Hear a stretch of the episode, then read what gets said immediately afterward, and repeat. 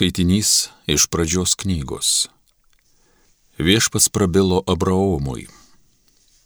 Kelkis į savojo krašto, iš savo gimtinis ir tėvų namų, į kraštą, kurį tau parodysiu. Tave padarysiu didelė tauta. Tave aš laiminsiu ir tavo vardą iškelsiu, tu būsi palaima. Aš laiminsiu tuos, kurie laimins tave, o kas tave keiks, tą prakeiksiu Per tave bus palaimintos visos žemės giminės. Taigi Abraomas iškeliavo, kaip viešpats jam buvo paliepęs. Su juo išsikėlė ir Lotas. Palikdamas Haraną, Abraomas buvo 75 metų amžiaus. Jisai pasėmė žmoną Sarają, sūnėną Lotą ir visą turtą, kurį jie turėjo, taip pat ir visus šeiminykščius, kuriuos jie buvo Harane įsigiję. Jie iškeliavo norėdami pasiekti Kanaano kraštą ir jį pasiekė. Abraomas perėjo kraštą iki Sichemo vietovės, iki Moris Giraitis. Krašti tuomet buvo Kenanitai. Abraomui pasirodė viešpats ir tarė, šitą kraštą aš atiduosiu tavo palikuonims. Tenai Abraomas pastatė aukurą viešpučiui, kuris jam buvo pasirodęs. Iš ten Abraomas pasitraukė tolyn į kalnyną į rytus nuo Betelio ir pasistatė palapinę. Vakaruose liko Betelis, o rytuose buvo Ajis. Ten jis pastatė viešpačiui aukurą ir šaukėsi viešpaties vardo. Paskui Abraomas vis kėlėsi toliau link Negebo. Tai Dievo žodis.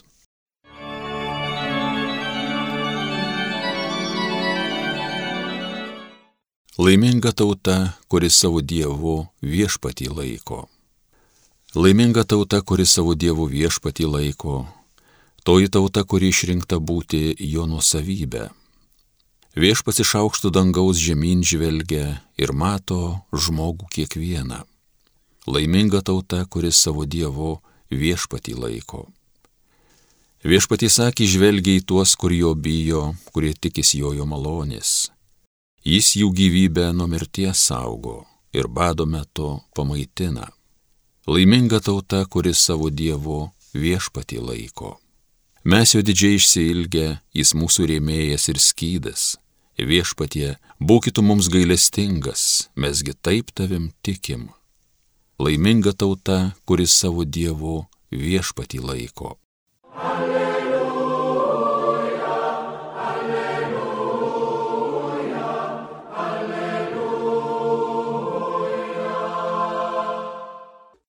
Dievo žodis yra gyvas, veiksmingas, jis teisė širdies sumanimus bei mintis. Alleluja, alleluja, alleluja. Viešpat su jumis, pasiklausykime Šventojios Evangelijos pagal matą. Jėzus bylojo savo mokiniams Neteiskite, kad patys nebūtumėte teisiami. Kokiu teismu teisėte, tokius patys būsite teisiami. Ir kokius saikus seikite, tokį ir jums bus atseikėta. Kodėlgi matai krislą savo brolio akise, o nepastebi rasto savojoje? Arba kaip gali sakyti broliui, leisk išimsiu krislą iš tavo akies, kai tavo akyje rastas? Veidmainy pirmiau išsiritink rastą iš savo akies, o paskui pažiūrėsi, kaip pašalinti krislelį iš brolio akies. Tai viešpaties žodis.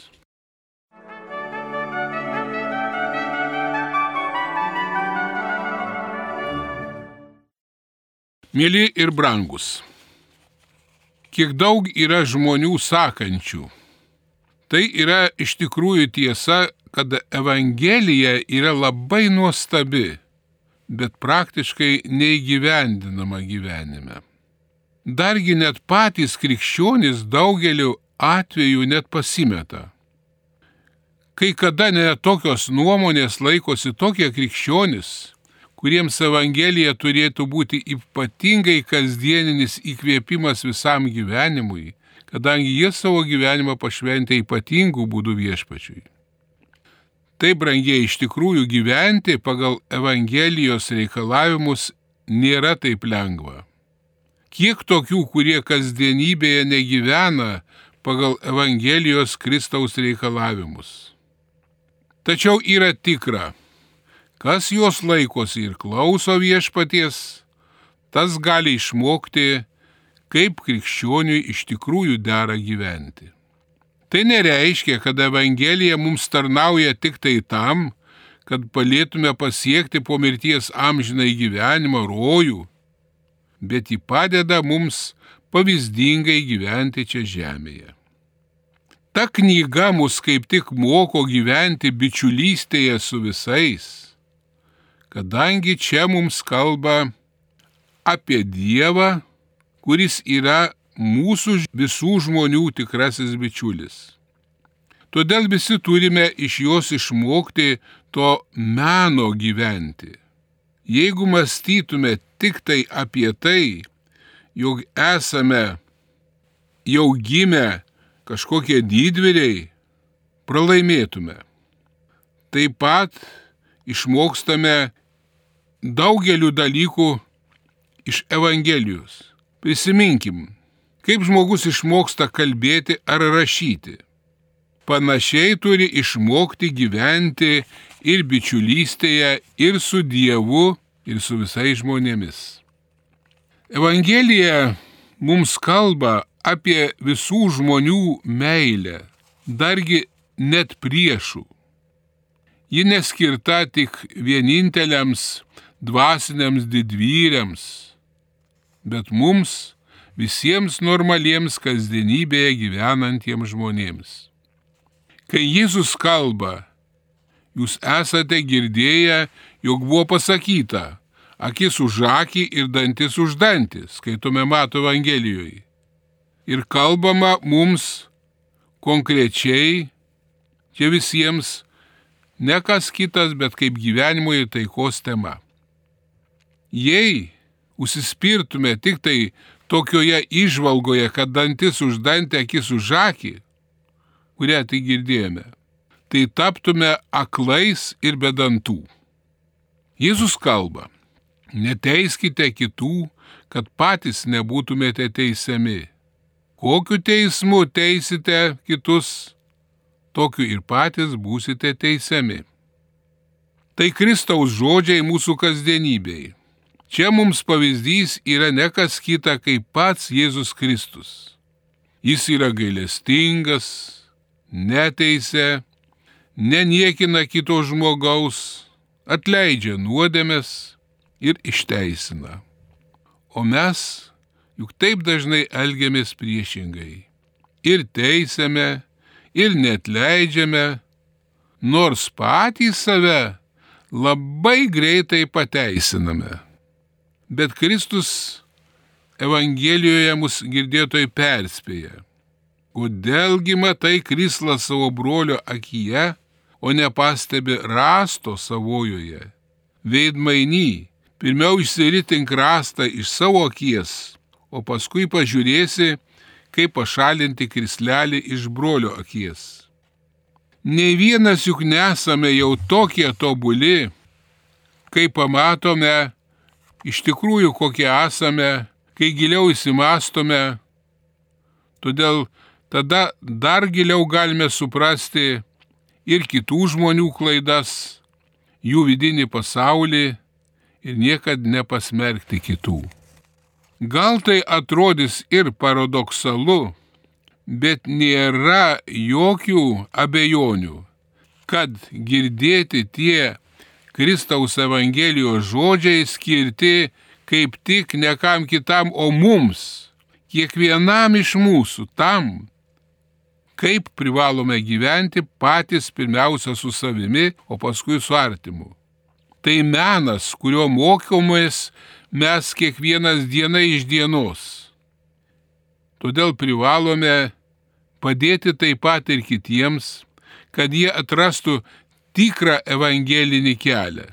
Priešingų atveju būsime kaip neregiai, vedantys kitus neregius. Bet dar giliau turėtume mąstyti apie savo širdies apsaugojimą nuo neapykantos, kuri nori išsiskleisti mumyse. Lygiai turime mąstyti apie savo galimybės gėrių nugalėti blogį, kuris tuo metu tvyro priešo širdyje.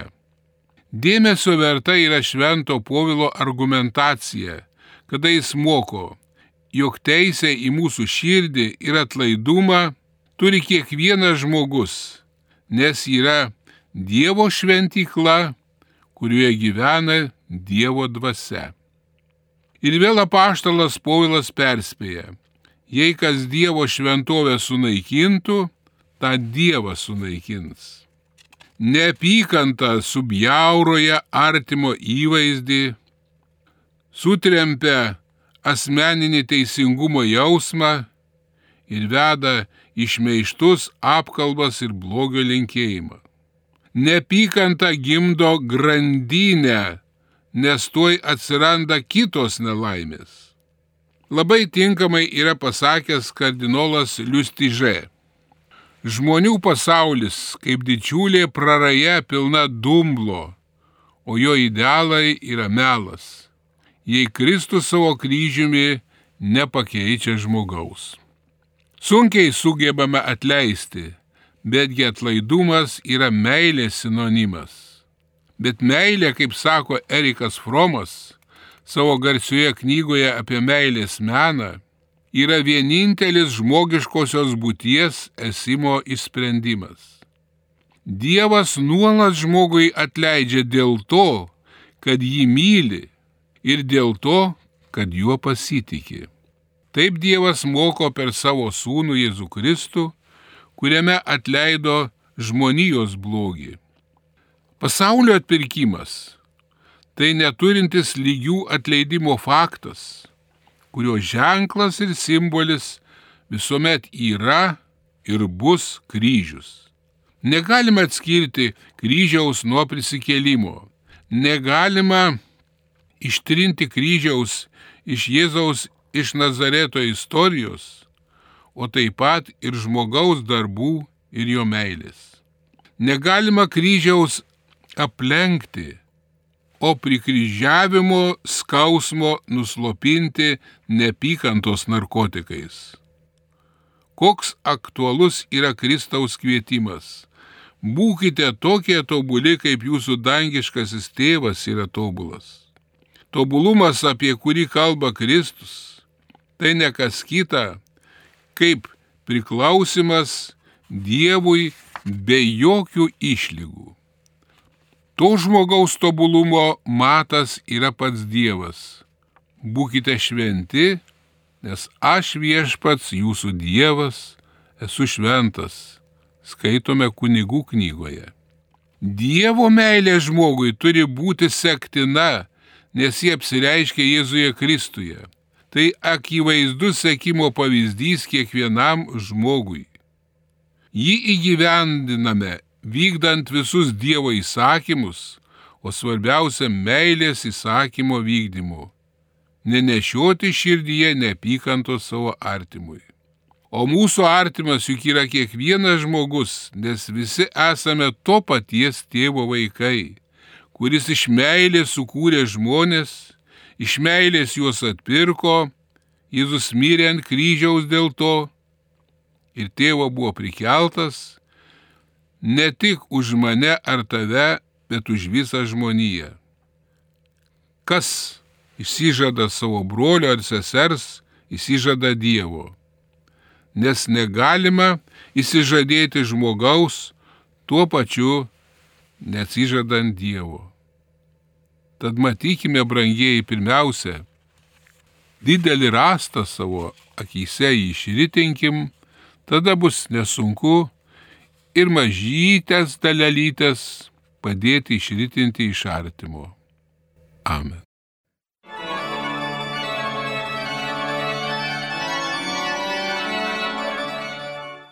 Homilija sakė profesorius, habilituotas teologijos mokslų daktaras, prelatas Vytautas Steponas Vaičiūnas.